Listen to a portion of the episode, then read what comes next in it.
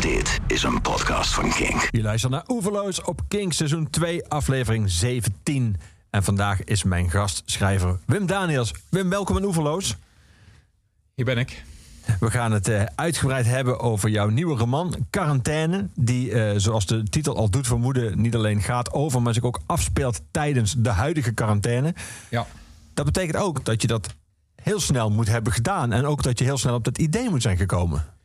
Ja, de, de lockdown, zoals die heette, die begon. En we zaten thuis met vieren aan tafel. En toen zei iemand, dat is er één te veel. Want ik geloof toen al dat er een soort van beleid was... drie mensen maximaal bij elkaar. En toen zei er iemand tegen mij... als jij nou een roman gaat schrijven. En toen dacht ik, ja, dat zou op zich kunnen. En het was middags. En dan heb ik al heel snel het grapje over Simenon in mijn kop zitten. Um, was een snelschrijver, hè? was echt een snelschrijver. Um, en op een gegeven moment um, zei hij, uh, was het ook smiddags, en toen zei hij tegen zijn vrouw: Ik verveel me zo. Uh, waarop zijn vrouw zei: Ja, dan ga eens aan een nieuw boek beginnen. En toen zei Simon: Ja, maar wat moet ik vanavond dan doen? en, en, en die, de, over, dat is dezelfde soort anekdote, want hij was ook goed bevriend met Hitchcock, Simonon. En Hitchcock die belt Simonon op, maar die krijgt zijn vrouw aan de lijn. En uh, toen zei die vrouw: Ja, hij kan nu niet aan de lijn komen, want hij is net aan een nieuw boek begonnen. Waarop Hitchcock zegt: Oh, dan blijf ik wel even hangen. maar, uh, dus, dus ik ben toen wel meteen ook begonnen. Met Simonon in mijn achterhoofd. Ik moet het snel maken, want ik wil dan geen roman schrijven over corona. Want dat was wel meteen het idee. Ik wil, als ik een roman ga schrijven, dan moet corona daar wel een rol in spelen. Maar ja, ik wil dan niet dat zo'n boek pas volgend jaar uitkomt. Nee. En de normale procedure bij schrijven van boeken is, een, dat weet je ook, een gigantisch traag proces. Ja. Er zijn mensen die nu bij wijze van spreken een boek aan het schrijven zijn, dat ze bijna af hebben dat volgend najaar uitkomt. Nou ja, dat vind ik altijd, dat vind ik altijd een eng denkbeeld. En toen heb ik, ben ik begonnen gewoon om te kijken, zou het iets kunnen worden? Want dat moet je toch voor jezelf wel weten. Kan het iets worden? Dus ik heb nog geen contact gezocht met een uitgever. Of met mijn uitgever. Ik heb toch wel min of meer een vaste uitgever.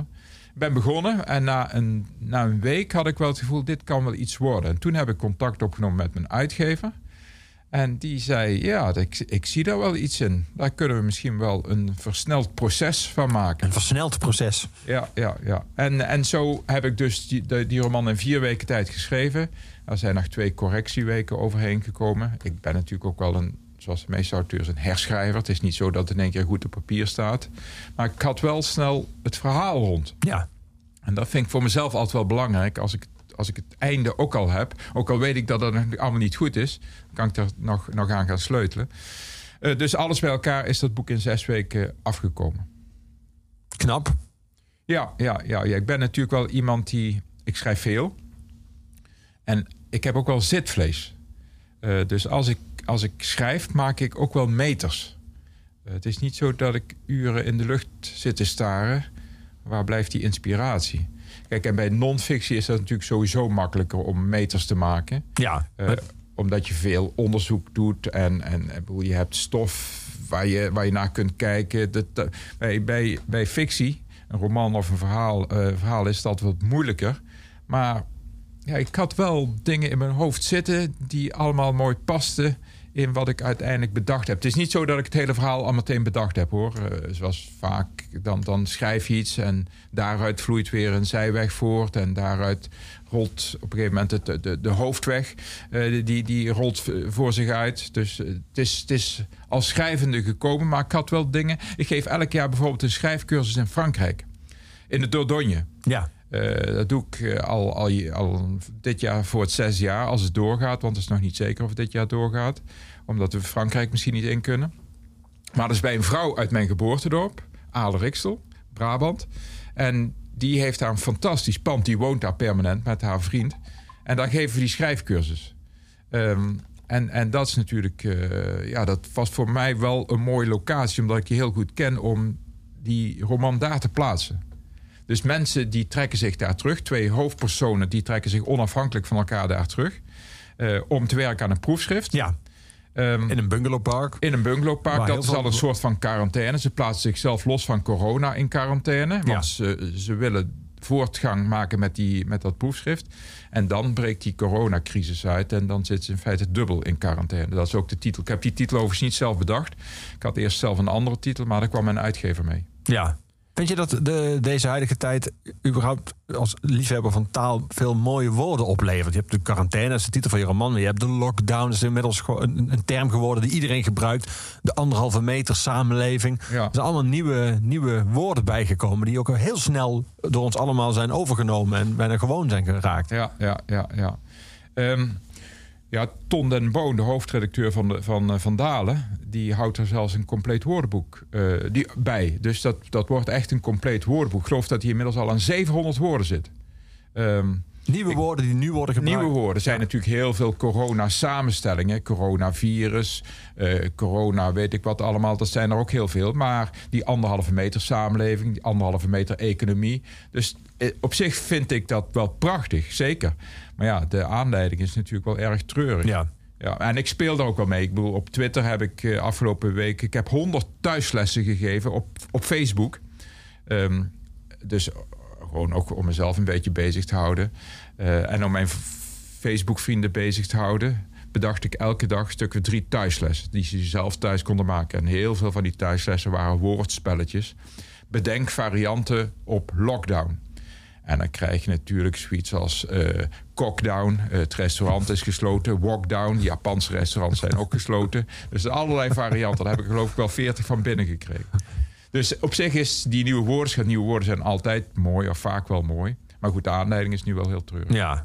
Ik vroeg je ook of er nou bepaalde muziek is die jij nu, uh, ook jij binnen zit, meer dan uh, gebruikelijk, uh, die je blijkt meer te draaien. Toen kwam je met Elvis. Ja. Met Mary's the Name, His Latest Flame. Ja. Waarom deze? Nou, ik ben wel een groot fan van Elvis. Ik hou erg van Elvis.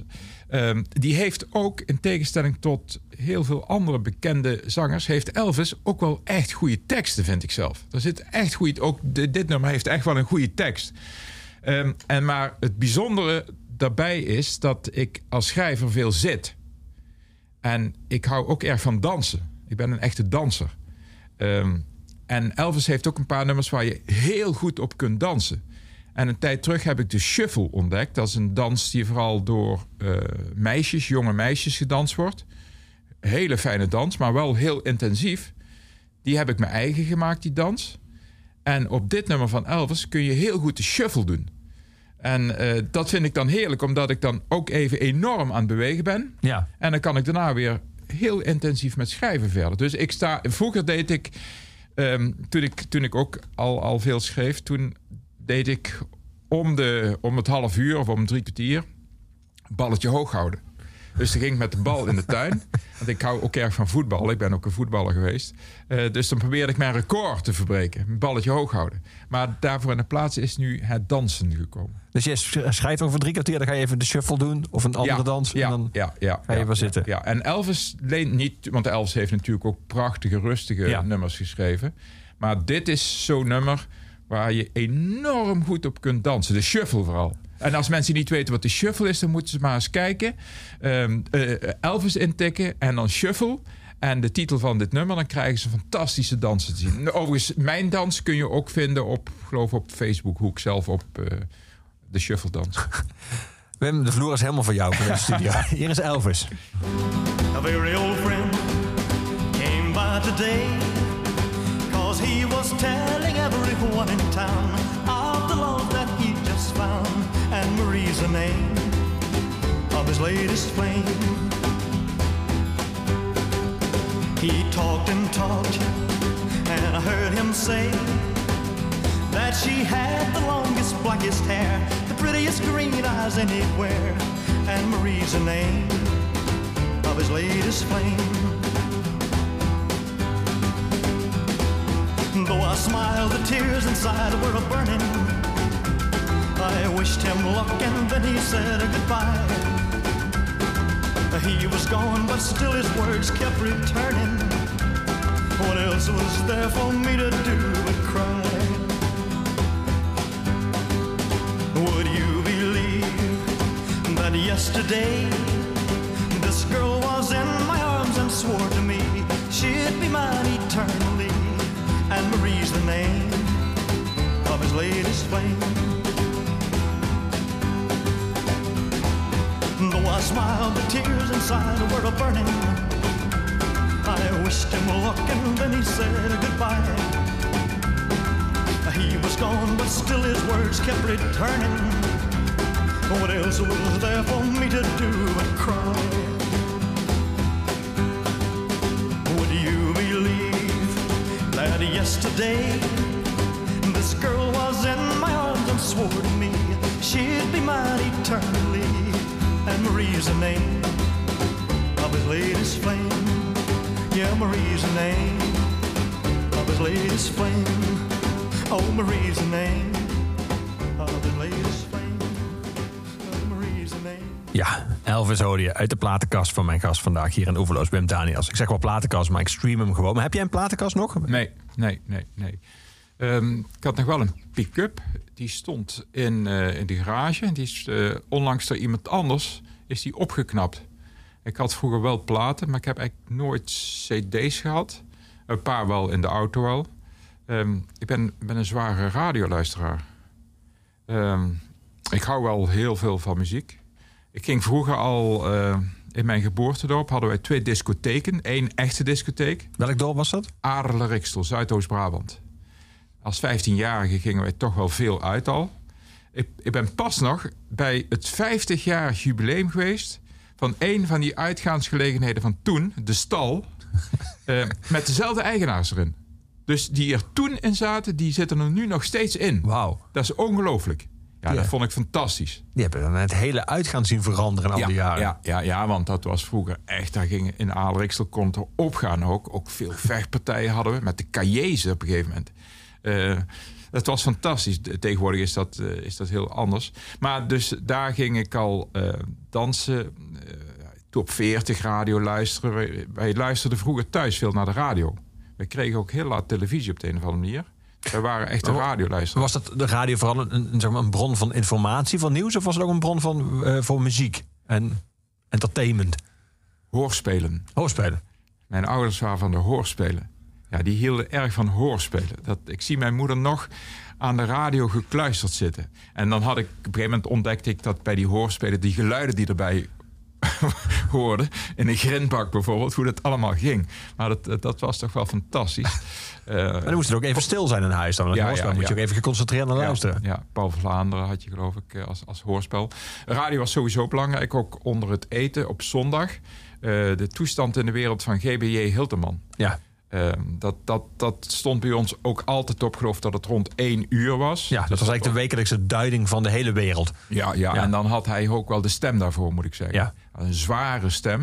Hij schijnt overigens wel ooit, ik weet niet meer wie hem toen had uitgenodigd. Hij schijnt ooit in een cultureel programma een gedicht van Jan van Beers te hebben voorgelezen. En dat schijnt hij geweldig te hebben gedaan. Dat is een gedicht van Jan van Beers, was een eh, Vlaamse dichter.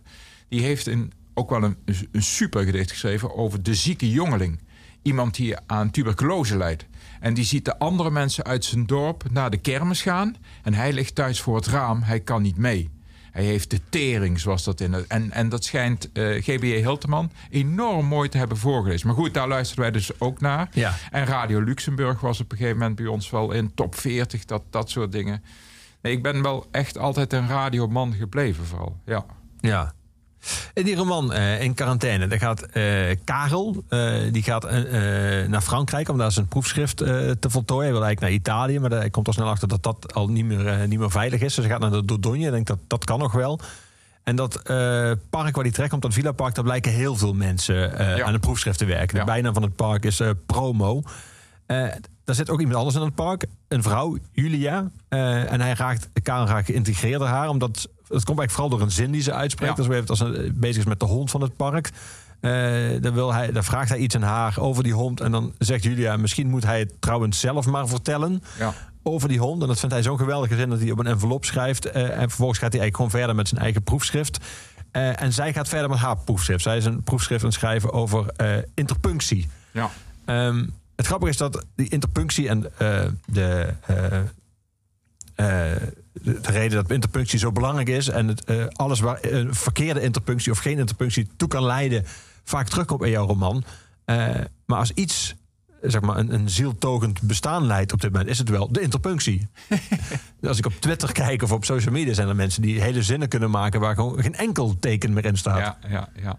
Ik moet eh, even over, over je inleiding die je nu hield. Ja. Die zin, eh, die, heb ik, die is dus daadwerkelijk door een vrouw uitgesproken. Die, is ook, die zat al in jouw hoofd. Die zat in mijn hoofd. Ja. Oh. En die zin had ik ook nodig om dat verhaal te kunnen schrijven. Die Ja. zin heeft mij op weg geholpen. En die zin heb ik vorig jaar gehoord tijdens die schrijfcursus die ik in Frankrijk gaf. Toen was die vrouw daadwerkelijk met een balletje aan het spelen. En ik stond binnen en die vrouw kwam binnen. Die waren die bal kwijt. En toen vertelde die vrouw dat tegen die man die daar was. En toen keek ze op een gegeven moment naar die hond. Zoals aan het vertellen dat die bal over het hek was. En toen zei die vrouw op een gegeven moment... Keek ze om naar die hond. Misschien moet je het trouwens zelf maar vertellen. Ik stond helemaal perplex. Ik vond dat zo'n fabuleuze zin. Heb je hem onthouden of heb je hem opgeschreven? Nee, ik heb hem toen meteen opgeschreven. Ja. Ik heb hem toen meteen opgeschreven. En ik ben er zelfs daarna in de cursus nog op teruggekomen om te zeggen: ja, als je boeken wilt schrijven, moet je dit soort zinnen maken. Eh, dus dat vond ik geweldig. En die zin is eigenlijk een aanleiding, eh, aanleiding voor mij geweest om, om, om, om, te kunnen om, te, om te kunnen beginnen. Ja, en die is heel cruciaal, want daar begint de hele fascinatie van eh, die Karel voor Julia voor. Ja, kijk, en, en ik, op een gegeven moment ben ik wel al vrij snel op het idee gekomen... mensen die trekken zich daar terug eh, om aan een proefschrift te werken. Dat, dat veel mensen worstelen met een proefschrift. Dat is wel een bekend fenomeen in Nederland. Eh meestal mensen doen er vier jaar over, over een proefschrift. En dan lees je altijd in, in zo'n voorwoord van zo'n proefschrift... dat het een enorme worsteling is geweest. Ja. Dat ze vier jaar lang hun vrouw hebben verwaarloosd... of hun man hebben verwaarloosd. Verschrikkelijk is Hoe komt dat? Dat is, dat is honderd keer zo lang als jij over deze roman.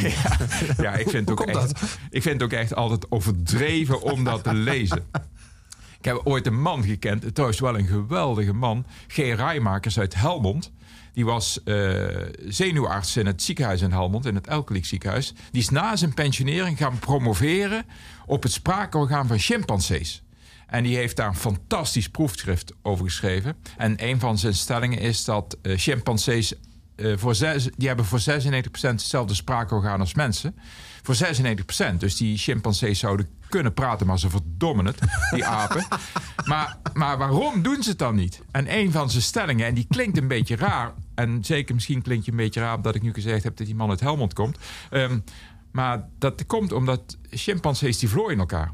En die, dat is hun manier van communiceren. En die vlooien elkaar niet omdat ze vlooien hebben, want die hebben elkaar al zo vaak gevlooid, die vlooien zijn er al lang uit. Maar die vlooien elkaar omdat dat hun manier van communiceren is. Wij mensen, die zijn onze beharing goed deels verloren. Wij kunnen elkaar niet meer vlooien. Daarom zijn we gaan praten. Dat is een van zijn stellingen. Het is echt een prachtig proefschrift. Maar hij heeft dat proefschrift op een gegeven moment geschreven na zijn pensionering in Frankrijk. En hij werkte nog gewoon op een typemachine. En hij had het ongeveer klaar. Toen is hij zijn hele bestand. Nee, hij, hij werkte eh, net. Hij was net, net met de computer bezig. Maar toen is hij zijn hele bestand kwijtgeraakt. Ook niet meer terug kunnen vinden. Is hij helemaal opnieuw moeten beginnen. Dus zijn vrouw wordt in dat voorwoord van zijn proefschrift heel erg bedankt. Maar goed. ehm, ik had twee proefschriften nodig. En Ja. de ene gaat dus over interpunctie. Ja. Dat is iets wat ik zelf, waar ik zelf altijd heel erg mee bezig ben geweest. En het andere gaat over ehm, iemand die schrijft een proefschrift over de kunstmatige baarmoeder. ja, dat is Karel. Ja, en dat zijn beide onderwerpen waar ik toevallig veel van weet. Ik weet ook veel over baarmoeders, omdat ik een boek heb geschreven samen met een gynaecoloog over de baarmoeder. Dat was een gynaecoloog, die, of dat is een, gynaecoloog, een, een, geweldige gynaecoloog, die werkte in Eindhoven in het Catharina ziekenhuis. Dick Schoot heeft ook een goede naam als gynaecoloog. Zijn voornaam past in zijn achternaam, zeg ik altijd. Ehm, maar ehm, ik zat met Dick Schoot op de tribune bij PSV. En toen zei hij tegen mij: ehm, Weet jij waar de zaadcel de eicel heeft ontmoet? Dus waar jouw leven is begonnen? En toen gaf ik het antwoord was fout. En toen zijn we op de tribune bij PSV om ons heen gaan vragen. Niemand gaf het goede antwoord. We hebben zeker 50 mensen ondervraagd. Niemand, ook vrouwen. En toen zei hij, dat is een beetje mijn probleem als gynaecoloog, zegt hij. Ehm, mensen weten heel weinig over die baarmoeder. En toen vroeg je aan mij, kunnen we die samen een boek schrijven over de baarmoeder? En het is misschien een beetje raar dat twee mannen een boek gaan schrijven over de baarmoeder. Maar goed, hij is gynaecoloog. En voor mij, en trouwens ook voor hem, is het starterswoning. Dus waarom zou ik daar een boek over schrijven? Ehm, maar toen kwam in dat, in dat boek dat we schreven... kwam ook die kunstmatige baarmoeder om de hoek kijken. Want die bestaat dus daadwerkelijk. Eh, dus dat vond ik wel mooi om dat in dat boek een beetje uit te werken. Dus eentje is bezig met het schrijven van een proefschrift over kunstmatige baarmoeder. En die andere, Julia, die is bezig met een proefschrift over interpunctie. En het is ooit geweest, zo geweest dat ze aan mij gevraagd hebben of ik over de komma geen proefschrift zou willen schrijven. Dat heb ik toen niet gedaan. Heb ik ook verder nooit spijt van gehad. Ehm, maar dus ik hou erg van leestekens. Ja. En het is zeker zo wat je zegt dat eh, leestekens vaak veronachtzaamd worden. Ehm, Steeds meer naar mijn indruk. Maar of, of valt dat mee, denk je? ja, ja, je je komt zelden mensen tegen die enige notie hebben van regelgeving omtrent interpunctie. De meeste mensen die hebben een tekst en die strooien een soort van va- zoutvaatje over die tekst uit met wat komma's en, en, en punten erin. Veel mensen halen bijvoorbeeld ook de dubbele punt en de punt-komma door elkaar. Sommige mensen, zeker op internet, zijn bijzonder scheutig met uitroeptekens. Eh, Meerdere zelfs per zin. ja, Ja. ja. Ja, vier, vijf achter elkaar. En dan schrijven ze die zin ook nog vaak in hoofdletters. Zo, zo, zo zijn ze aan het schreeuwen, want dat doet in feite een uitroepteken. Ja. Dat schreeuwt tegen mensen. Eh, maar ik heb me ooit verdiept in de historie van eh, de komma. Ehm, dat vond ik wel fijn om daarmee bezig te zijn. Dus daar is ook een boek uitgerold, de geschiedenis van de komma. Daarna heb ik nog ooit Dus je hebt geen proefschrift geschreven, maar gewoon een, een, een gewoon boek. een gewoon boek, de geschiedenis van de komma. Ja, Ja. Als ik schrijf, eh, dat, dat geldt eigenlijk voor alles wat ik schrijf... ehm, probeer ik toegankelijk te schrijven. En veel van die proefschriften... die moeten op de een of andere manier merkwaardig nog moeilijk zijn. Moeilijk toegankelijk zijn. Ehm, bij mij zit altijd mijn moeder achter mijn scherm. Mijn moeder was een heel eenvoudige vrouw. Mijn va- vader trouwens ook. Alle- Allebei de lagere school gehad. Mijn vader heeft de lagere school niet eens afgemaakt. En ik zou het raar vinden om boeken te schrijven... waar zij helemaal niks van zouden kunnen snappen. Ik denk toch dat ze een boek over de geschiedenis van de komma... ook al heb ik het eenvoudig geschreven, niet kunnen snappen. Ehm, maar toch is dat voor mij wel belangrijk... dat ik boeken schrijf die mijn ouders zouden kunnen lezen. In ieder geval die gedachte moet ik hebben. Dus ik schrijf altijd heel toegankelijk. Als, als die, die eh, Karel in jouw roman, eh, als hij hoort dat Julia eh, bezig is ook met een proefschrift en dat dat gaat over interpunctie, dan herinnert hij zich opeens een artikel. Ik citeer even uit jouw boek dat hij nog niet zo lang geleden een vakblad had gelezen over een fatale medische misser die het gevolg was van een kommafout. Ja. Het ging daarbij om medicijnen, wist hij nog, waarbij in de aangegeven dosering de komma verkeerd was geplaatst. Death by comma was de onheilspellende titel van het artikel geweest. Wie de komma niet eert, is de tekst niet weert, was een uitspraak van de schrijver Gerrit Krol geweest.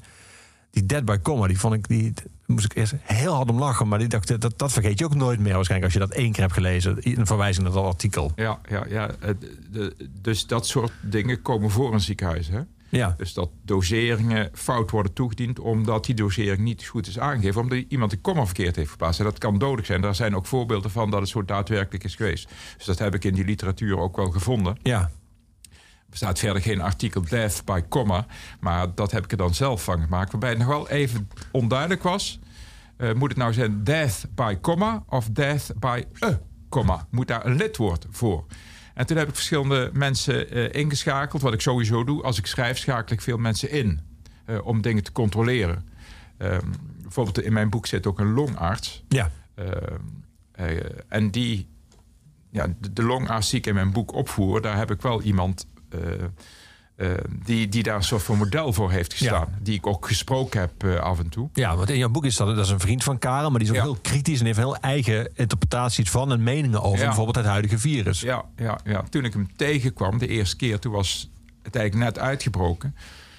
Ja, hij deed daar heel nonchalant over. Hij, hij had zoiets van, ja, maar ze zijn echt aan het overdrijven. En er speelt ook nog wel iets anders, eh, iets anders mee. Maar goed, die death by comma, om dat Ja. even af te maken. Uiteindelijk hebben ze gezegd, nee, het was sterker als je dat lidwoord weglaat. Dus als je van maakt death by comma.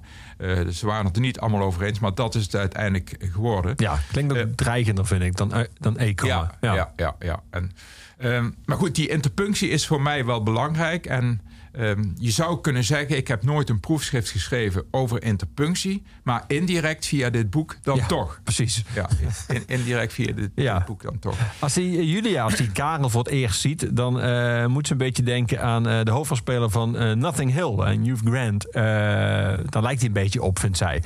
Eh, ik heb die soundtrack nog eens nagekeken van Nothing Hill. Er stonden echt verdomd mooie nummers op. Ik ga er eentje van draaien. Van de soundtrack van Nothing Hill, waar eh, Julia meteen aan moet denken als ze Karel ziet, is dit Elvis Costello met She.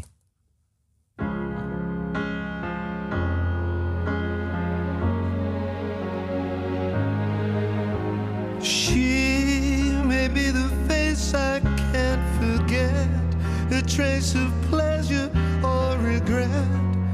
or my treasure my the price I have to pay.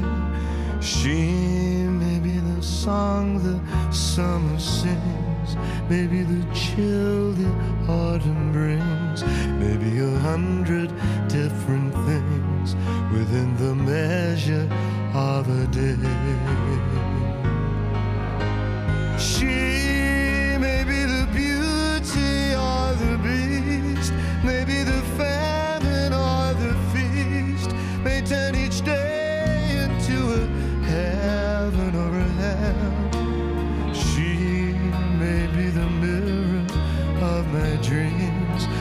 Smile reflected in a stream.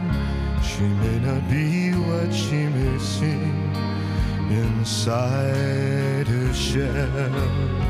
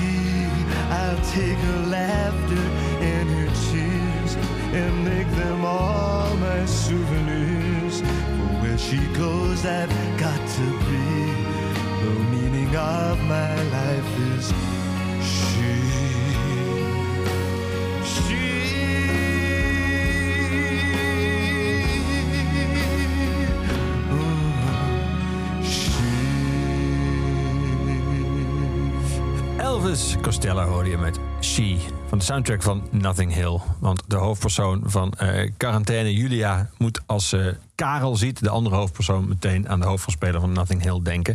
Op een gegeven moment eh, kan zij, raken ze in gesprek, eh, Karel en Julia. En dan, eh, dan uiteindelijk gaan ze weer allebei hun eigen weg op het, op het park en nemen ze afscheid met eh, drie zoenen. En dan schrikken ze van, eh, van die zoenen. Eh, van het feit dat ze een soort lichamelijk contact hebben. Terwijl juist inmiddels het virus rondwaart overal en wordt gewaarschuwd om dat lichamelijk contact eh, niet meer te hebben. Elkaar zoenen was nu misschien wel het laatste wat je moest doen, in jouw roman.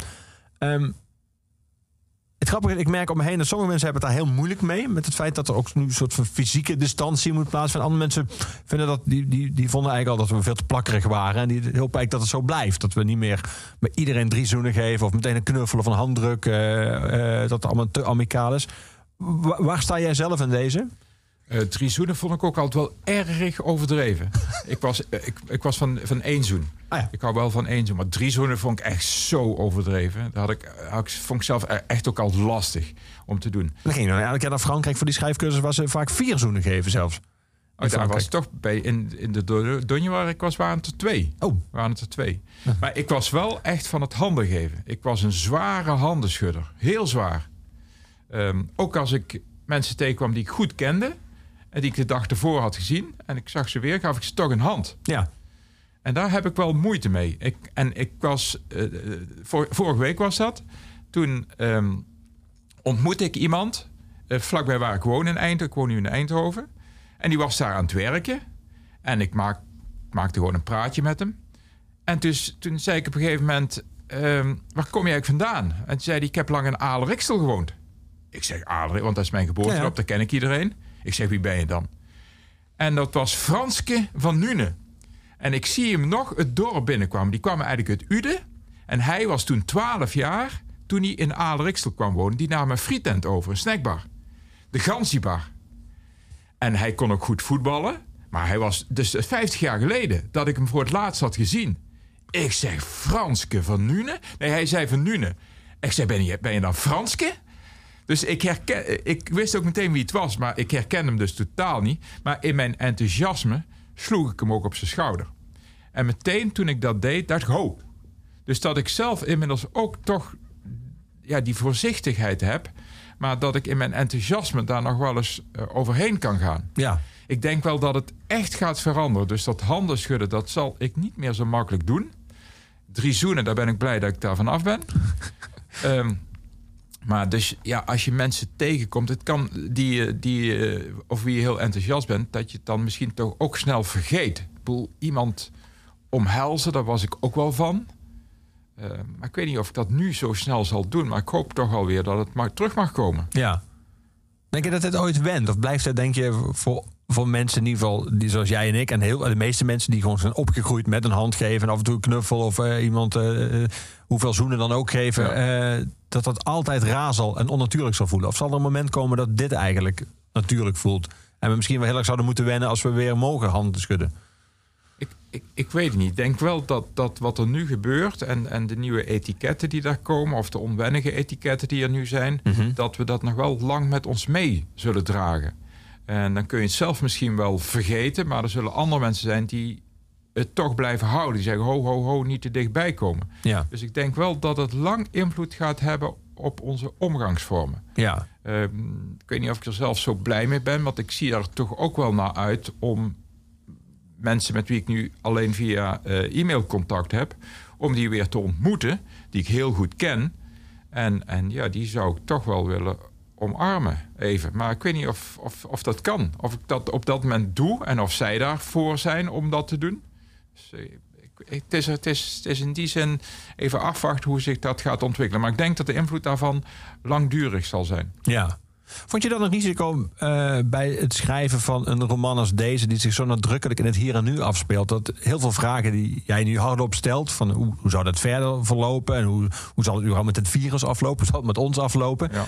die krijgen geen plaats meer in deze roman. Deze roman speelt zich in het hier en nu Ja. af, dus de, allerlei ontwikkelingen gaan deze roman niet halen. Ja. Ehm, Ja. Dat is natuurlijk vaak een reden dat mensen bij welke gebeurtenis dan ook, of ook een, een liefde die uitgaat, het even zullen laten rusten, al dan niet één of twee jaar, om, om te kijken hoe het neerdaalt en daar dan een verhaal over schrijven. Ja.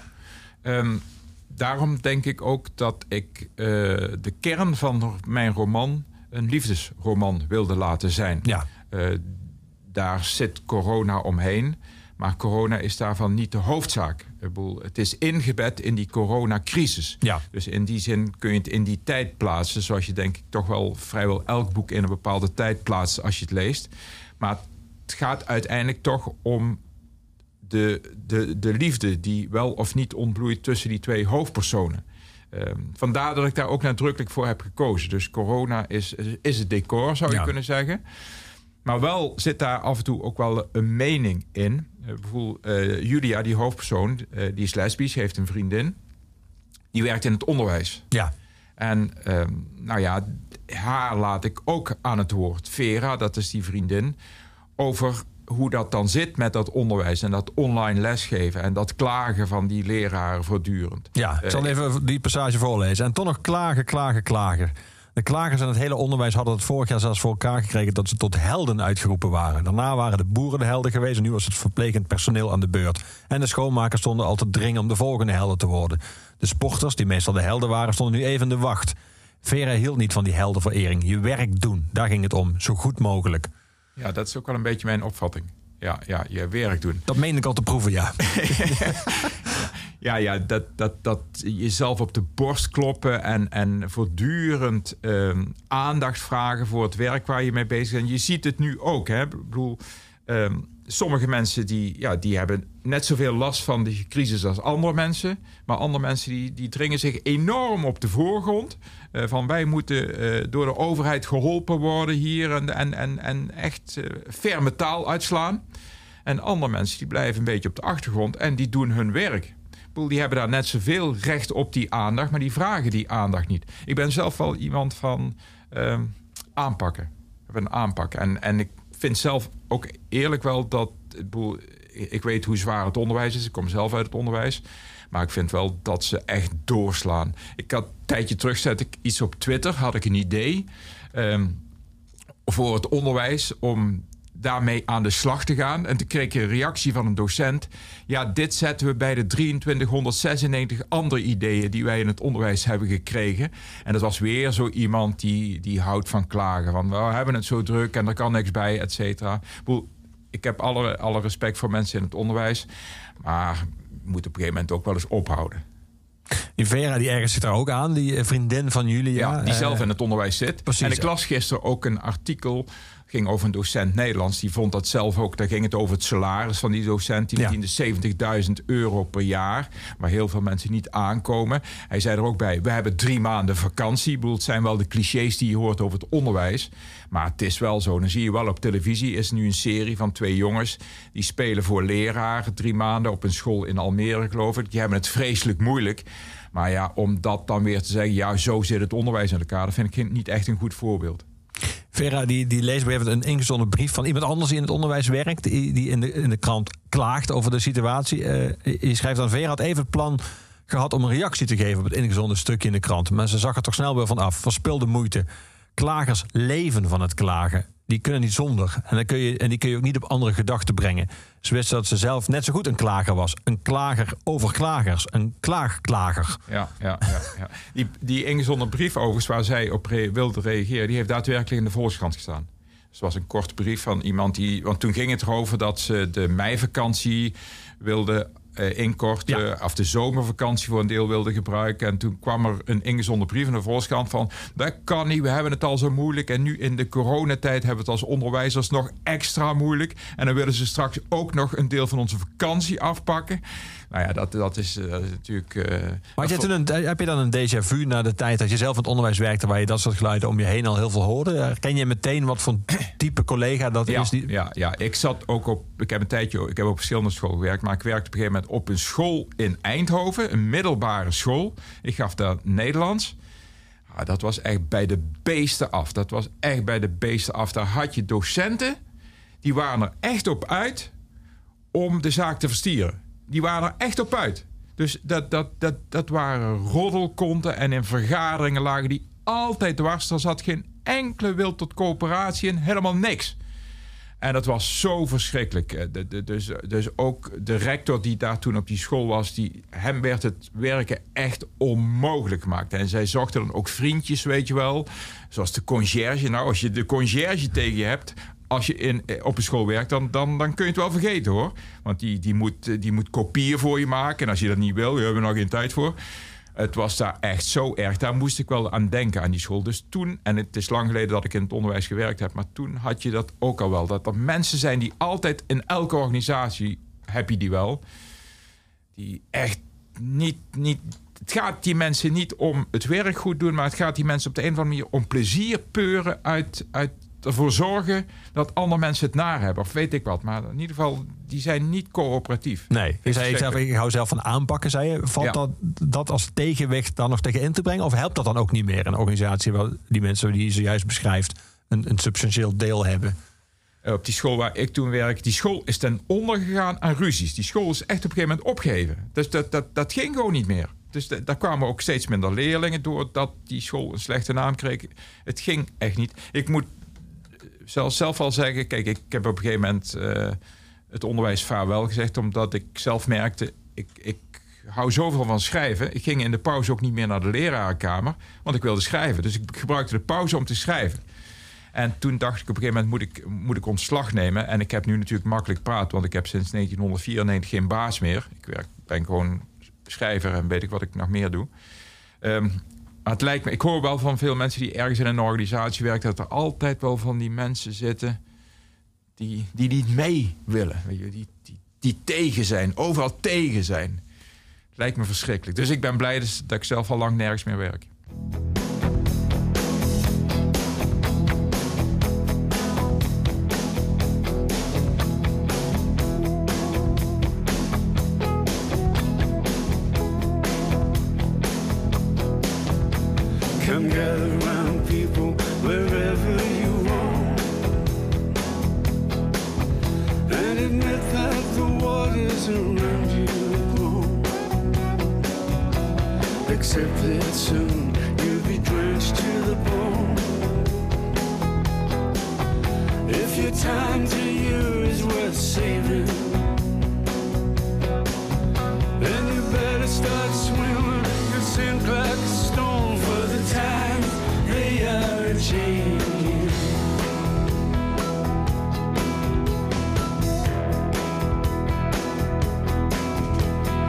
Mothers and fathers throughout the land. And don't criticize what you can't understand. Your sons and your daughters beyond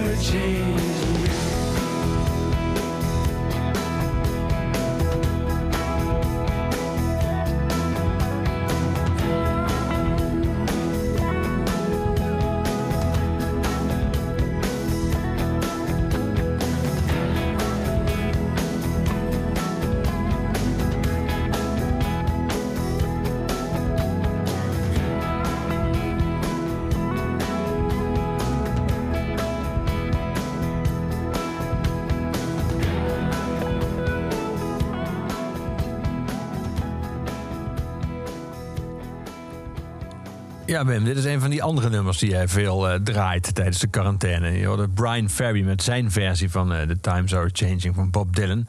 Waarom deze? Ehm, ik draai dan die hele CD van Ja, Brian Ferry. Dylanesque. Dylanesque. Fantastische CD. Ehm, ik ben daar ooit bij uitgekomen. Ehm, ik weet niet meer precies wanneer. Maar ik, ik had een hekel gekregen aan Bob Dylan. door, door een echt een bepaalde gebeurtenis. Eh, ik, Vertel. Ik was ooit eh, heel erg, ben nog steeds heel erg bezig met water. Water interesseert me ook heel erg.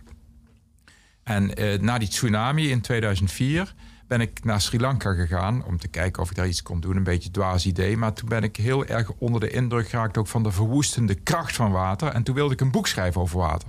Dat is het Waterwoordenboek geworden. Ehm, en toen ik daarmee bezig was, toen wisten, her, wisten mensen her en der over dat project van mij. En toen kreeg ik een uitnodiging om met Willem-Alexander en Maxima met het vliegtuig, ik denk dat Willem-Alexander dan achter de stuurknuppel zat, mee te gaan naar Saragossa. Want daar was de Wereldwater Expo en zij zouden de Nederlandse bijdrage daaraan gaan openen. En allerlei Nederlandse bedrijven die met water bezig waren, grote bedrijven, die konden met dat vliegtuig mee naar Saragossa. En eh, naar Madrid vlogen ze dan. En met de trein, koninklijke trein, gingen ze dan geloof ik naar Saragossa. En ik kreeg ook die uitnodiging om mee te gaan met dat vliegtuig. Maar ik moest 1000 euro betalen daarvoor.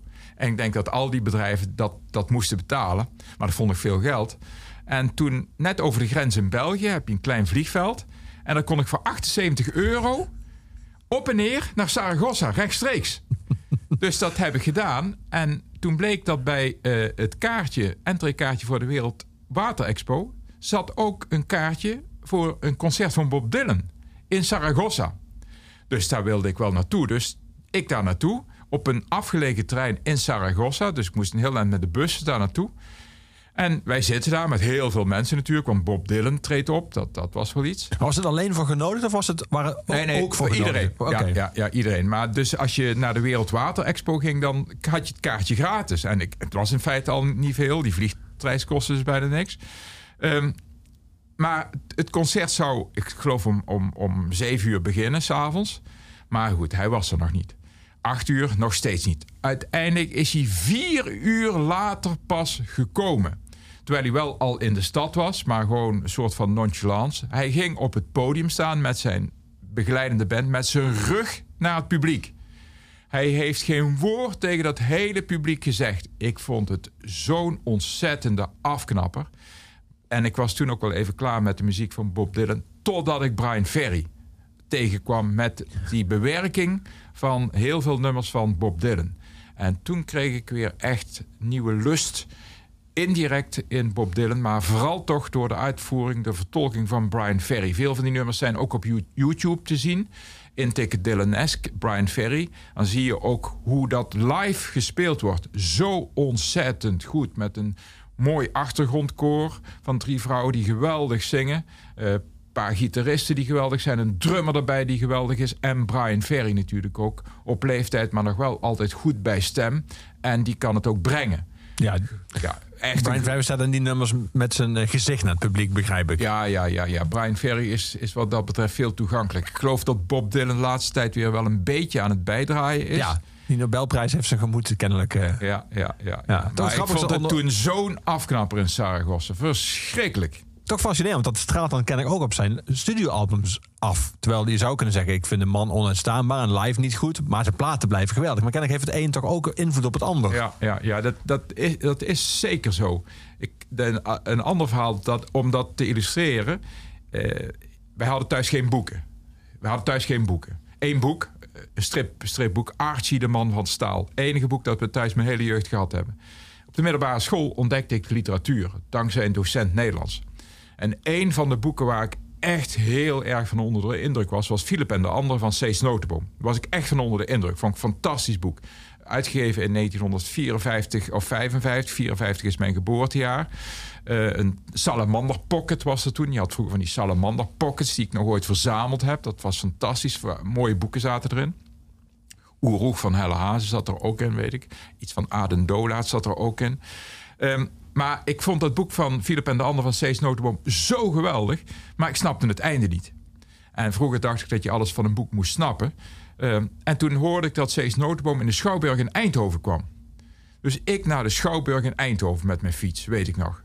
Ehm, om hem te vragen, wat bedoel je met dat einde? Dus ik spreek hem, ik weet ook niet eens meer, het was een soort van lezing van hem geloof ik. En ik ging na afloop naar hem toe. Ik zie hem nog op die trap staan bij de Schouwburg in Eindhoven. En ik spreek hem dus tamelijk bedeesd aan. Eh, ja, ik vind uw boek geweldig. Philip en de Ander vind het zo'n fantastisch boek, maar ik snap het einde niet. Wat bedoelt u daarmee? Waarop Cees Notenboom tegen mij zei, oh dat weet ik niet, zo lang geleden dat ik het boek geschreven heb. Dat vond ik een afknapper. Dat snap ik. Dat vond ik een afknapper. En dan kun je zeggen, ja, maar die boeken blijven de boeken. Maar daarna ben ik zijn boeken ook toch minder gaan waarderen... doordat die, die opmerking van hem... oh, dat weet ik niet zo lang geleden dat ik het boek geschreven heb... altijd is blijven meespelen in het lezen van zijn boeken. Ja, En zo is het met Bob Dylan ook. ja. ik snap het. Ja. Grappig is dat heel veel. Ik heb wel best wel wat Dylan-fans in dit eh, programma mogen ontvangen. En die, die- dat ondergrondelijke, grillige van de man is op de een of andere manier voor fans ook een- wel een deel van de aantrekkingskracht. Dat je maar benieuwd bent of hij zijn dag heeft die dag en hoe die dan, of hij misschien wel zich één keer omdraait en misschien zelfs een keer glimlacht. En dat is een soort van, lijkt een soort van goudgraven in een berg of zo. eh. Ja, ik vind het toch veel aanstellerij. Helder. Ja. Gelukkig, eh, en dan gaat het over Julia in je roman, eh, die langzamerhand eh ziekig begint te worden en begint te vrezen dat ze misschien ook getroffen is door het virus. Gelukkig had ze paracetamol van huis meegenomen. Was zo iemand die bij paracetamol zweerde. Zoals veel mensen doen. Sommigen lijken zich alleen al bij de gedachte aan paracetamol beter te voelen. Ik, had het gevoel dat hier ook eh, iets van de persoonlijke afkeer van de schrijver doorklinkt. Of eh, lijkt dat maar zo? Afkeer van paracetamol? Ja, of van, eh, van, van al, al te hypochonder gedrag. Of van mensen die... Ik ben Nee? zelf misschien ook wel een beetje een hypochonder. oh ja? Ja, ja, ja. Niet dat ik veel paracetamol slik. Dat moet een, helemaal eh, niet. een griezelige periode voor jou zijn dan. Nee, dat ook weer niet. Nee, Nee, niet? nee, nee, nee, Maar ik kom wel uit een, uit een familie waar het niet goed mee gaat of is gegaan. Ik kom uit een gezin van eh, zes kinderen, waar eh, er nu nog maar twee van over zijn. Ehm, ik heb ook ooit, dat is eh, voor mijn tijd heeft zich dat afgespeeld. Ehm, ik heb een broer gehad die ook Wim heette. Eh, die was natuurlijk al dood voordat ik geboren werd, anders heb ik zijn naam niet kunnen krijgen. Er was een meisje in mijn gezin heel vroeg eh, overleden. Eh, drie jaar gele- geleden is mijn broer Henk overleden aan, darm, aan allerlei soorten kanker. Eerder ben ik al een zus verloren aan darmkanker. Mijn broer, die nu nog leeft, die heeft huidkanker. Dus ik kom al uit een. Mijn moeder had huidkanker. Mijn vader, die is op een gegeven moment. dat was een noeste arbeider. Die ze vergiftigd hebben op het fabriek. Ehm, die, die werkte bij een schroefboutenfabriek. En die moest eh, bouten en moeren onderdompelen in een zoutzuurbad. Maar het waren vroeger open baden. Mijn vader had op zijn dertigste al zijn tanden zwart in zijn mond staan van het zoutzuur dat opsteeg. En die kreeg van het fabriek waar hij werkte. Je mag het fabriek zeggen en de fabriek zeggen, volgens Van Dalen. Die kreeg van het fabriek waar hij werkte. ik hoor nooit het fabriek. Nee, maar het, Ik dacht, jij zal geen fout maken, dus dat zal dan ook kunnen. Maar het fabriek gebruikt niemand volgens mij nog. Ja, ik wel. Dus als dan zelf gebruik ik het fabriek. Ja. Dat komt vanuit mijn dialect. En maar Ja. in Van Dalen staat dat de en het allebei mag. Ja. Ehm, maar die kreeg vanuit de fabriek kreeg hij 2 liter melk per dag verstrekt om het gif tegen te gaan. Dus die kreeg 2 liter melk per dag verstrekt om het gif tegen te gaan. Als je die zin goed begrijpt, want dat is een zin die bij ons thuis altijd enorm geleefd heeft. En mijn vader was er eigenlijk ook nog wel trots op, want hij kreeg die melk ook nog gratis. Maar die zin zegt in feite dat het fabriek wist dat ze mijn vader aan het vergiftigen waren. Eh, dus, en dat, daar ben ik te laat achtergekomen, weet je wel. Maar dus mijn vader is op een gegeven moment ook gestorven. Is nog, nou eigenlijk nog best oud geworden. Mijn moeder is zelfs 95 geworden, dus die is heel oud geworden. Maar in die zin, kijk, als, als, als iemand sterft in de familie aan darmkanker... dan krijg je tegenwoordig als vanzelf een onderzoek in het ziekenhuis, een darmonderzoek. Ehm, dus in die zin ben ik daar wel mee bezig. eh, ben ik daar wel mee bezig. Ja. Ehm, maar niet per se van de paracetamol. Maar goed, paracetamol, ja, je zult het maar uitgevonden hebben. Zo is dat. Die Karel die jij net al eh, eh, benoemde. Of, eh, sorry, die Gijs, die, eh, die vriend van, eh Ja, van Karel. Die longarts is, die ook, waarvan je zegt heel veel dingen die, die, die hij zegt, die heb je ook gebaseerd op Ja. iemand die echt longarts is. Die, die, die heeft daar zo zijn eigen kijk op. Dat blijft hij ook eigenlijk wel houden. Maar die, die zegt ook af en toe van die dingen die je nu ook steeds meer hoort. Eh, Ja. Er zijn heel veel mensen die dit zien als een soort begin van een nieuwe tijd. En die Karel zegt gegeven moment, of eh, Gijs zegt moment in een gesprek met Karel, we moeten meer meebewegen met de natuur. Niet door de natuur uit de weg te gaan, Ja. maar door er beter mee om te gaan. En dan Ja. vraagt die Karel, maar hoe, hoe, hoe zie je dat dan voor je? Nou, dat weet, dat weet die Gijs eigenlijk ook, eigenlijk ook niet. Maar je weet wel dat dit, wat we nu doen, allemaal overdreven is. Ehm, hoe bezie jij die mensen die nu denken of hopen eh, dat dit de begin is van een nieuwe manier van met elkaar omgaan, met de natuur omgaan, met economische groei omgaan? Eh, eh, deel jij die hoop of, of vind je dat Ja, misplaatst ja, om dan ja. nu een soort van euforisch gevoel bijna over te krijgen over deze situatie? Ehm, nou, dat, dat niet, maar bijvoorbeeld wat, wat de laatste week ook alweer heel erg naar voren is gekomen, dat zijn die megastallen. Ja. Heel veel dieren op elkaar zetten. En daar is verder nog geen eensluidend oordeel over, maar er wordt voorzichtig gedacht dat in de gebieden waar eh, die intensieve veeteelt echt heel intensief is, dat corona daar meer slachtoffers heeft geëist. Of dat zo is, weet ik niet. Eh, maar dat vind ik wel een voorbeeld van tegen de natuur ingaan. Ja. Eh, en en ehm, ik heb ook nogal wat mensen gekend. Ik geef ook veel voordrachten. Hè? En ik heb ook een paar keer een voordracht gegeven voor mensen die Q-koorts hadden. Ook die Q-koorts, ja, dat was toch wel echt heel ernstig. En er zijn ook mensen aan overleden. Eigenlijk tijdlang genegeerd, vind ik zelf. Ook door toen het ministerie van Landbouw. Tijdlang genegeerd. Die mensen zijn toch een beetje aan de kant geschoven. Ehm, maar dus die intensieve veehouderij, dat vind ik iets eh, wat, wat niet meebewegen met de natuur is. Dat, dat is zo tegennatuurlijk wat je daar ziet.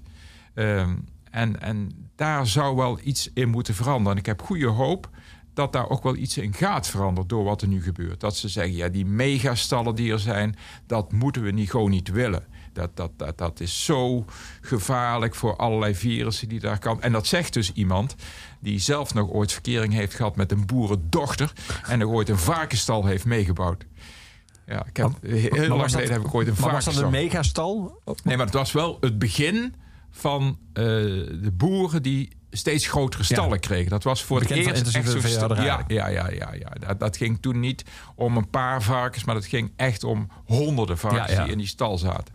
Dus dat zou ik wel een, een, een pluspunt vinden als dat eh, een, een oplevert. Maar goed, er zijn. eh, Tegelijkertijd, want nu is ook weer, mijn, mijn vrouw heeft sinds gisteren die theorie. En die wordt dan ook eh, in, in kranten vandaag zie je daar ook alweer berichten van. Dat mensen die ingeënt zijn tegen de bof, de mazelen en de pokken, eh, dat die eh, iets meer immuniteit schijnen te hebben.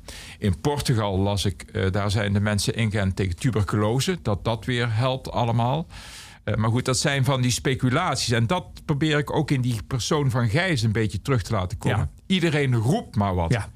En, en, en, en je zou toch denken dat virologen het met elkaar eens zijn. Maar ook die zeggen soms de gekste dingen weer. En die spreken elkaar tegen. Maar dat is op zich ook logisch, toch? Want het is een nieuw virus. Dus ik kan me voorstellen, het is voor, zelfs voor virologen is het niet helemaal eh, bekend terrein. Nee, dat zeker. Maar sommige mensen die zeggen iets zo pertinent. En vervolgens hoor je daar niks meer van. Weet je wel, die hebben dan iets beweerd. En dan denk je, ja, daar zit wel iets in. Vervolgens hoor je er niks van. want Dat blijkt gewoon helemaal niet te kloppen. Dus ze zouden het wel met iets meer voorzichtigheid en met iets meer beleid moeten zeggen, vind ik zelf. Heb je de neiging nog steeds nu, na inmiddels al die weken, om alles te willen lezen, om het zelf grip op te krijgen? Want je citeert nu best wel vaak het nieuwsbericht, dus ken ik het nieuws op de voet. Ja, ja ik las eh, afgelopen week las ik een, een, een Twitterbericht van Tim Knol, een goede muzikant overigens. En Tim is ook echt iemand die eh, het nieuws op de voet volgt. Maar die was, dat woord komt ook in het corona-woordenboek, die was corona-moe, Ja. zei hij. Dat heb ik zelf nog niet. Maar het is niet zo dat ik eh, die praatprogramma's s s'avonds laat, als ik daar vier mensen zie, zie zitten die alle vier over corona gaan praten, dat ik daar eens eh, goed voor ga zitten om dat allemaal te beluisteren. Dat heb ik, heb ik eigenlijk helemaal niet. Had je dat in het begin wel? De eerste weken? De eerste weken misschien wel, maar dus toch ook omdat ze te snel iets beweren, eh, waarvan al snel blijkt, ja, dat is, dat is maar een bewering geweest. Er zit verder ook niks achter. Dus dat, dat, dat, dat, ik, dat ik toch liever heb iemand die zegt, nou ja, het zou kunnen dat, et cetera, en dat allemaal op een rijtje zet, dan dat je voortdurend nieuwe mensen hebt die allemaal eh, hun zegje mogen doen en de zogenaamde deskundigen zijn, of soms ook wel echt deskundig zijn, zonder dat je daar een houvast aan hebt. Dus dat, Ja. dat, dat, dat, dat, dat- daar heb ik dan geen zin in. Denk, dan kan ik mijn tijd wel beter besteden dan weer een mening horen die morgen al niks meer waard blijkt te zijn. En ik kan me voorstellen, terwijl je aan het boek werkte, dat het ook een soort ruis wordt als je dan, terwijl je zit te werken, de hele dag nieuwe inzichten over het virus hoor. Je heb je het verhaal gemaakt, ook de rol van het virus Ja. in het verhaal. En dan wil je gewoon het verhaal afmaken zonder de hele dag een nieuw inzicht te krijgen. Wat Ja. je dan misschien van denkt, oh, dan moet ik gewoon een boek voor werken. Ja, ja, dat zou inderdaad kunnen. Eh, nee, als ik, als ik werk aan een boek, dan ben ik daar ook wel eh, echt heel intensief mee bezig. Dus ik ben iemand die, die ook niet al te laat begint. Ik begin s morgens dan toch wel om half negen. Dan zit ik wel achter de computer om te gaan werken. Meestal maak ik dan ook wel echt een paar uur. Dus dan, dan tot één uur kan ik dan heel intensief doorwerken. Daarna ga ik meestal een uur fietsen of, of twee uur fietsen. Weet ik wat, ik eet natuurlijk wat. Eh, eerst ging ik dan altijd wel bij iemand op bezoek of een eh, boek afgeven of weet ik wat. Ehm, en, en ja, op een gegeven moment ben je met zo'n boek bezig en dan, dan, dan hoop je op een gegeven moment ook dat je in je boek iets schrijft ehm, wat niet meteen onderuit gehaald kan worden. Ja. Zo, dat, dat is natuurlijk wel belangrijk. Dus je bent daar ook voorzichtig in, in wat je schrijft. Om ervoor te zorgen dat je boek niet meteen verouderd is. Hij zei, oh ja, dat dachten ze toen even. Dat heeft hij toen opgepikt, weet je wel. Maar dat blijkt helemaal niet waar te zijn. Dus in die zin heb ik me ook wel ingedekt. Ja.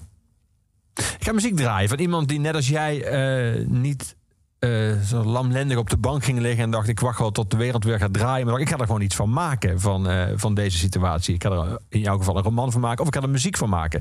Ik heb het over Rick de Leeuw die een nieuw nummer eh, schreef en opnam dat zich nadrukkelijk, dat nadrukkelijk door deze tijd is beïnvloed. Dat blijkt al uit de titel, een fantastische, echte Rick de Leeuweske titel, namelijk Hoe zal ik vandaag het leven weer eens verzoenen met het pertinent besef van oneindige ledigheid.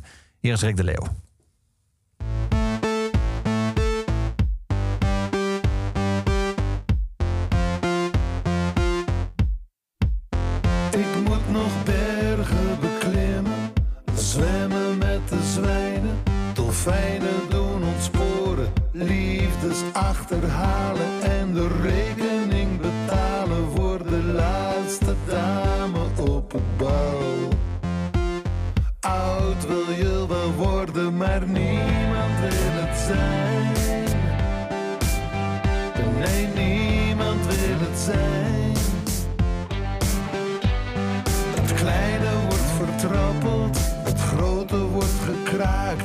Vergeet de goede raad die je van mijn moeder kreeg.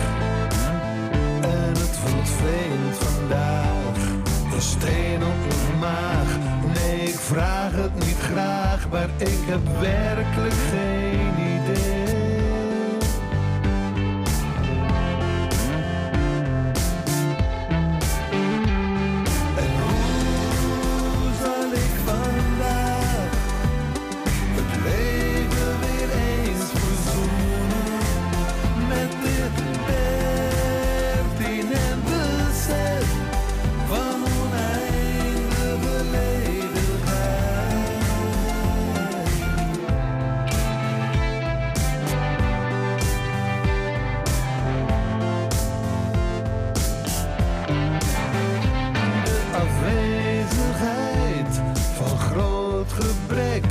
built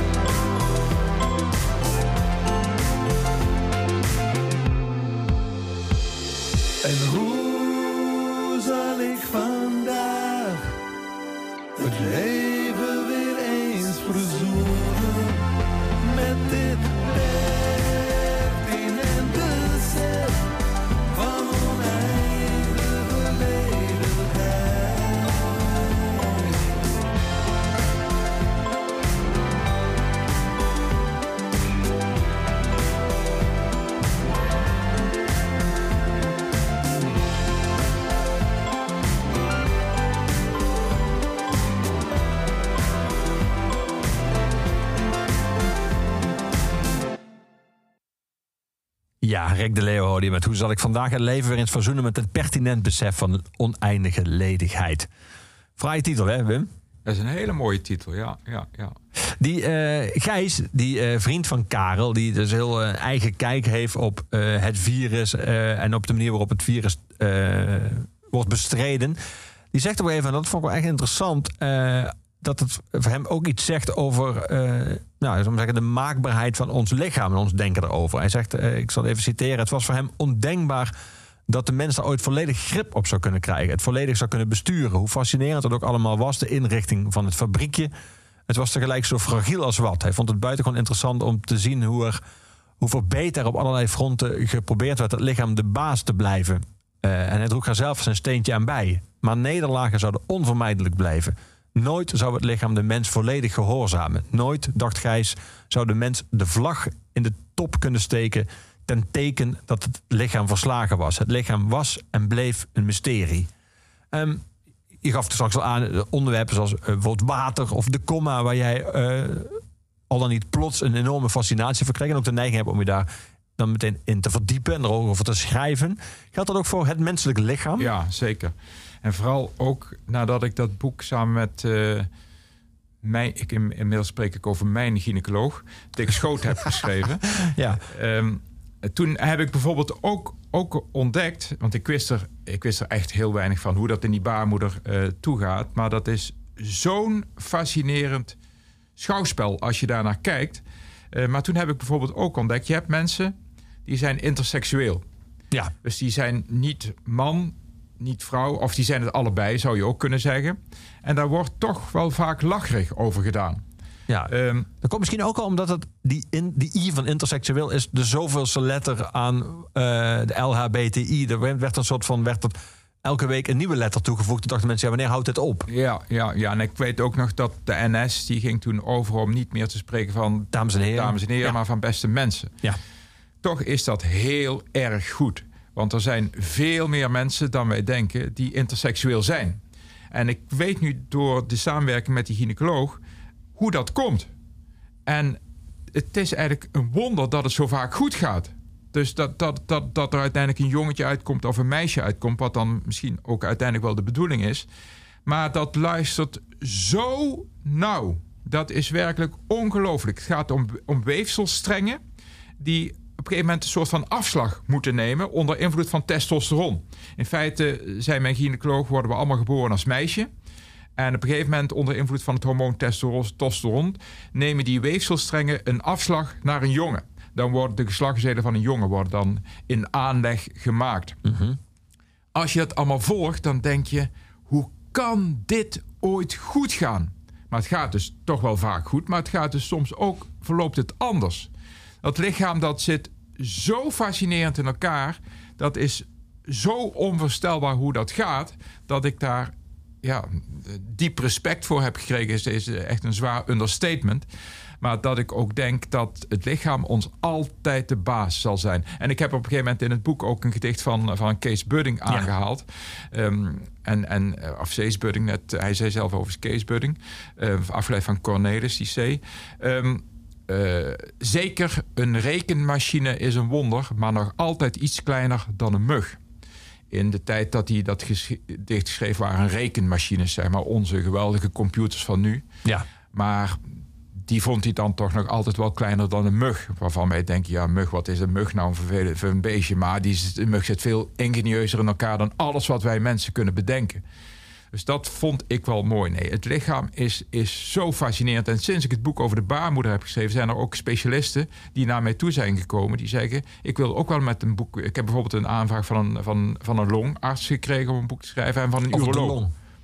Sorry? Over, dus een boek over de longen. Ja, en een boek over eh, eh, urologie. Wat, eh, en dan moet je aan prostaat denken en heel veel meer wat daarbij hoort. En dat komt omdat ze dan bij mij komen, omdat dat wel heel goede specialisten zijn, maar het zijn geen schrijvers. Ja. En, en dus wat ik straks zei, ik, probeer een boek voor mijn moeder te schrijven ook. Dus ik probeer het echt zo toegankelijk mogelijk te maken. Ik, dat boek over de baarmoeder, dat heeft mij eh, veel geleerd over het menselijk lichaam. Dat dat fantastisch is en dat gaan wij niet de baas worden.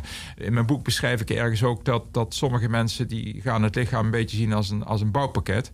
En als er dingen van versleten zijn, dat je weer een ander eh, ingrediënt kunt nemen om dat bouwpakket weer eh, in orde te maken. Dat gaat niet gebeuren, denk ik.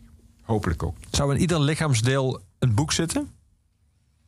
Er zit zeker in ieders lichaamsdeel. Ja, er zit eh, zeker. Ja, daar zit. eh, ik heb ook wel eens. Als je, als je alleen al kijkt naar de uitdrukkingen die er zijn in de Nederlandse taal. met betrekking tot lichaamsdelen. Iets onder de knie krijgen bijvoorbeeld. Hè? Dus dat, eh, eh, schouder aan schouder staan. Dus die, de, alle lichaamsdelen die komen wel ergens, eh, komen wel ergens eh, terug.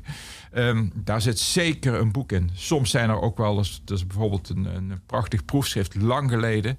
geschreven over de voet bijvoorbeeld. Er zijn echt al wel veel mooie dingen over het lichaam geschreven hoor. Ja. Cornelis Verhoeven was vroeger ook wel iemand die heeft zich daar ook mee bezig gehouden. Dat was een filosoof uit een bos die mooi kon schrijven, vond ik zelf ook. heeft ook wel eens iets... Volgens mij heeft hij ook ooit een proefschrift geschreven... dat iets met een lichaamsdeel te maken had, maar dat weet ik niet meer zeker. Die Karel, even de twee hoofdpersonen van jouw eh, roman, die is uh, gynaecoloog, eh, is dan bezig met, met een proefschrift over Ja. kunstmatige baarmoeder. Maar zijn eigenlijke specialisatie is eh, sperma. Maar dat Ja. woord sperma gebruikt hij liever niet. Hij spreekt liever van mannelijk zaad. Ja, ja, Eh, ja. Hoe kom je daarop om hem dat woord sperma niet te laten gebruiken? Ik vind het zelf een beetje een vies woord. ja, het is in feite gewoon een Grieks woord dat ook niks anders dan zaad betekent. Er zit verder geen andere betekenis achter. Maar ik vind het zelf altijd een vies woord. Sperma. En dan spreek je het ook wel een beetje vies uit. dat helpt ook wel niet. Ja, ik vind zaad dan toch... eh, vind, vind zaad neutraler? Wat? Vind je zaad neutraler, zeg maar? Ja, ja, iemand met raad en zaad terzijde staan. Dat vind ik altijd mooier. Ja, we gaan muziek draaien. Eh, je- je- je- eh, ik, ik noem net Gijs eh, en, en Julia, eh, de, de, de hoofdpersoon en Karen natuurlijk van jouw roman. Maar er komen andere mensen langs, die bijvoorbeeld de beheerder van het park. Ja. Maar op een gegeven moment, eh, als Julia zelf ziek wordt en toch begint te vermoeden dat het wel eens corona zou kunnen zijn, gaat ze ook na eh, met wie ze dan contact heeft gehad de dagen daarvoor. Die mensen duiken daarvan er ook later eh, eh, in het boek op. En een daarvan komt nog even in het ziekenhuis terecht en ziet dan, een, ziet dan de mensen die hem gaan helpen. Bij één moet hij denken aan een actrice die een glansrol had in de serie The Good Wife. Ik heb even de soundtrack van The Good Wife opgezocht. Er staan ook wel hele gave nummers in. Daar ga ik er eentje van draaien. Hier zijn The Kills met Black Balloon uit de soundtrack van de serie The Good Wife.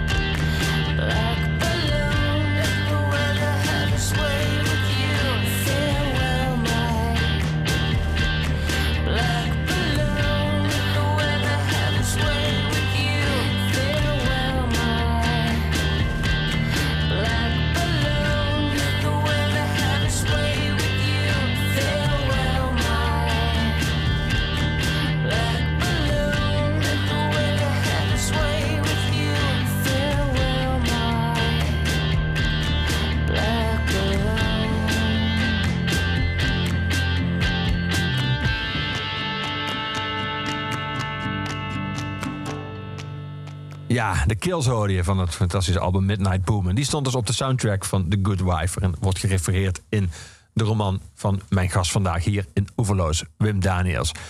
Wim, je hebt, zei al, vier weken in volle concentratie eh, aan, aan deze roman gewerkt. Eh, eigenlijk begon de quarantaine voor jou pas na deze roman. Dus Ja. het leven wat heel veel mensen nu hebben, dat ze denken, oh, ik heb best heel veel tijd.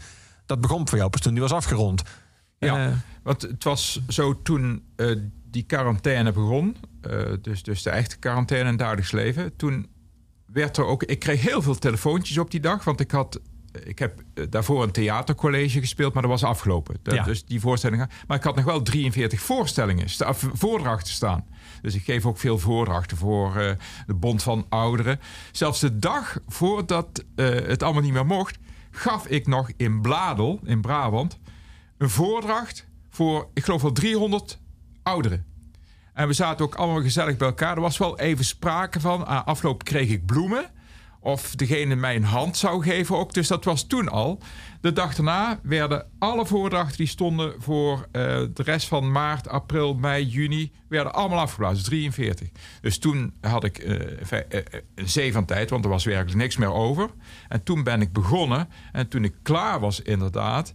ehm, toen, toen doemde die, die zee van tijd voor mij op. Maar wat je dan bij een boek al heel snel krijgt... is dat er drukproeven komen. ja. Vervolgens komt de tweede drukproef. En er komt ook nog een ander boek van mij aan in juni. Daar kwamen ook drukproeven van. Dus daar was ik ook nog mee bezig. Eh, maar ik heb wel altijd toch wel als een boek af is... en ik heb die drukproeven achter de rug... dat ik dan wel even iets heel anders ga doen. Dus in die zin vind ik het ook wel eh, fijn dat er dan even helemaal niks is. ja. Maar goed, dat duurt ook weer niet te lang, want dan komt toch, en dat vind ik ook wel fijn, publiciteit rondom een boek. En in dit geval komt die vrij snel, omdat het boek heel snel op de markt komt. Ja. Dus nee, het is niet zo dat ik eh, opeens weken heb eh, waarin ik helemaal niet weet wat ik moet doen.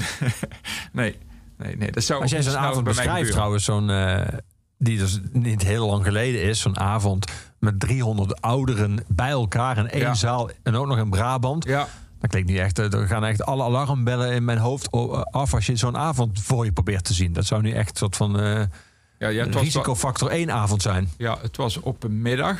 Ehm, Oké, middag. Nou, Ja, maar daar, dat daar- doet voor het virus niet zoveel toe. Ja, nee, nee, maar dat, ja, dat, dat, dat, het, was, het, was, het was wel zo dat de voorzitter zei. Want dat vaak zijn het echt wel mooie bijeenkomsten. Ik hou er erg van om voordracht te geven voor dat soort clubs. Omdat ik het ook belangrijk vind dat die mensen bij elkaar blijven komen. Vaak valt dat uit elkaar omdat er geen aanwas van onderop is. Ehm, maar die voorzitter die had toch wel van de dag van tevoren nog met mij contact gehad. En hij zei: Ja, we hebben toch besloten om het door te laten gaan. Want we denken dat het wel kan. Niemand wist toen waarom het niet meer zou kunnen en wat er aan de hand was. Dus, maar we zaten er echt op elkaar gepakt met 300 mensen. Dus eh, ja, dat, dat, dat, dat zou nu... eh, misschien is het daar wel begonnen. Maar nu hoorde ik... eh, ja. Nee, maar nu hoorde ik vandaag dat, dat, ze in december al... een coronageval in Frankrijk hadden. Ja. Ja, dus, mijn, in een boek schrijf ik ergens... Dat zegt ook weer die Gijs... ehm, dat in 2017, 2018 hebben we een heel erge griepgolf Ja. gehad. En dat het daar in, in, in beginsel misschien aanwezig is. Want, en die winter speelt voor mij ook wel een belangrijke rol. Eh, ergens schrijf ik ook dat dat eh, ten opzichte van nu mindere doden lijken te zijn. Die mensen die toen dood zijn gegaan. En het komt vooral ook omdat een jongere zus van mijn vrouw is toen overleden aan de griep. In één dag. In één dag. Dus die dag ervoor zat ze nog gewoon aan tafel thuis. Eh, S S'nachts, eh of toen ze s'morgens wakker werd, toen, ja, toen, toen vond die man die de naslag, die zag het nog niet zo. Mijn dochter kwam op bezoek en die zei, ja, dus mam kijkt niet goed. En toen hebben ze de ambulance gebeld. Eh, een paar uur later was ze dood. En toen is er dus wel autopsie geweest. Maar ja, uiteindelijk is toch de conclusie... ja, is gestorven aan de griep. Maar heel erg vergelijkbaar wat, wat je nu ziet. En, en toen zijn er dus, hadden we een oversterfte in 2017, 2018 van 7000 mensen. Een oversterfte. Daar zijn we nu nog niet aan. Tenminste, volgens de officiële cijfers niet. Er zijn veel mensen Ja. die niet getest zijn. Ja, precies. Maar dat speelt ook wel een beetje mee in, in mijn boek. Dus eh, er heeft een keer een artikel in de Volkskrant gestaan, een hele pagina. Mag je eh, de coronavirus vergelijken met de griep eh, van 2017, 2018? Er werd voortdurend gezegd, dat mag niet. Maar uit alles wat naar voren kwam, bleek, ja, dat is eigenlijk precies hetzelfde. Dus dat heeft bij mij ook wel in mijn achterhoofd meegespeeld... bij het vormgeven van eh, dat personage van Gijs Ja. die natuurlijk als longarts daar ook bij betrokken was. En die toen ook zei, die IC's die lagen toen ook vol. Maar dat heeft eigenlijk nooit de voorpagina van de krant gehaald. Terwijl er toen zoveel mensen zijn gestorven. 7000 meer dan normaal aan mensen aan de griep sterven. Dus ja, met andere woorden, het is een rijke roman. Zo is dat. En ook een heel spannende en een mooie en een liefdevolle en eh, ook af en toe hele grappige. Eh, ja, je hebt er veel. eh, ik vind het erg knap ook bovendien dat je dat in vier weken hebt vormgegeven en uitgewerkt. En, eh, Ja, ja, ja. Maar is dat ook een beetje de jouw... Je zei daarna de- kon ik meteen verder met het drukproeven van mijn alweer volgende boek... dat hierna of een paar weken verschijnt. Is dat de manier om, waar heel veel mensen nu last van hebben... dat ze een beetje de weg kwijt zijn en een beetje zo met een ziel onder de arm lopen met die tijd... en een soort van eh, gewoon doorwerken? ja, doorwerken. Maar tegelijkertijd is het wel ook zo eh, dat als er iets gebeurt, en dat is in mijn leven ook herhaaldelijk voorgekomen, dat er iets gebeurt dat toch even eh, je aan het wankelen brengt, eh, dat dat soort, voor mij althans, ik durf niet voor andere mensen te spreken, maar ook goed zijn om je op nieuwe ideeën te brengen. Dus als je even uit je evenwicht gebracht wordt, eh, 43 voordrachten die opeens geschrapt worden, paar maanden staat er niks meer in mijn agenda. En dat je dan even naar moet denken, ja, maar wat nu? En dat dat wel goed is, ook voor het creatieve proces, om iets totaal anders te gaan doen. En zo ben ik vrij geregeld ergens op een onderwerp gekomen waar ik anders nooit op zou zijn gekomen. En dat vind ik dus ook wel de meerwaarde van even uit je evenwicht gebracht worden. Dus niet dat dit een fijne periode is en, en, en vreselijk eh, al die mensen die gestorven zijn. Ehm, maar ja, je, mij dwingt het ook wel altijd om ook eens ergens anders te kijken. Ja. En dat Ja. vind ik wel fijn. Ja. Dankjewel Wim dat jij was vandaag in Oeverloos. Quarantaine, zo heet hij, uitgegeven door Thomas Rap. Je luisterde naar Oeverloos, eh, iedere week eh, te horen op Kink via de podcast, via de Kink-kanalen zoals de app en de site, op Spotify, Deezer, Apple Music en alle andere kanalen. En het laatste woord van iedere Oeverloos is aan onze postuum huisdichter Luc de Vos. Het laatste nummer is altijd van Gorky. Ik ga afsluiten met eh Gorky van het album Eindelijk Vakantie met In Mijn Betere Wereld.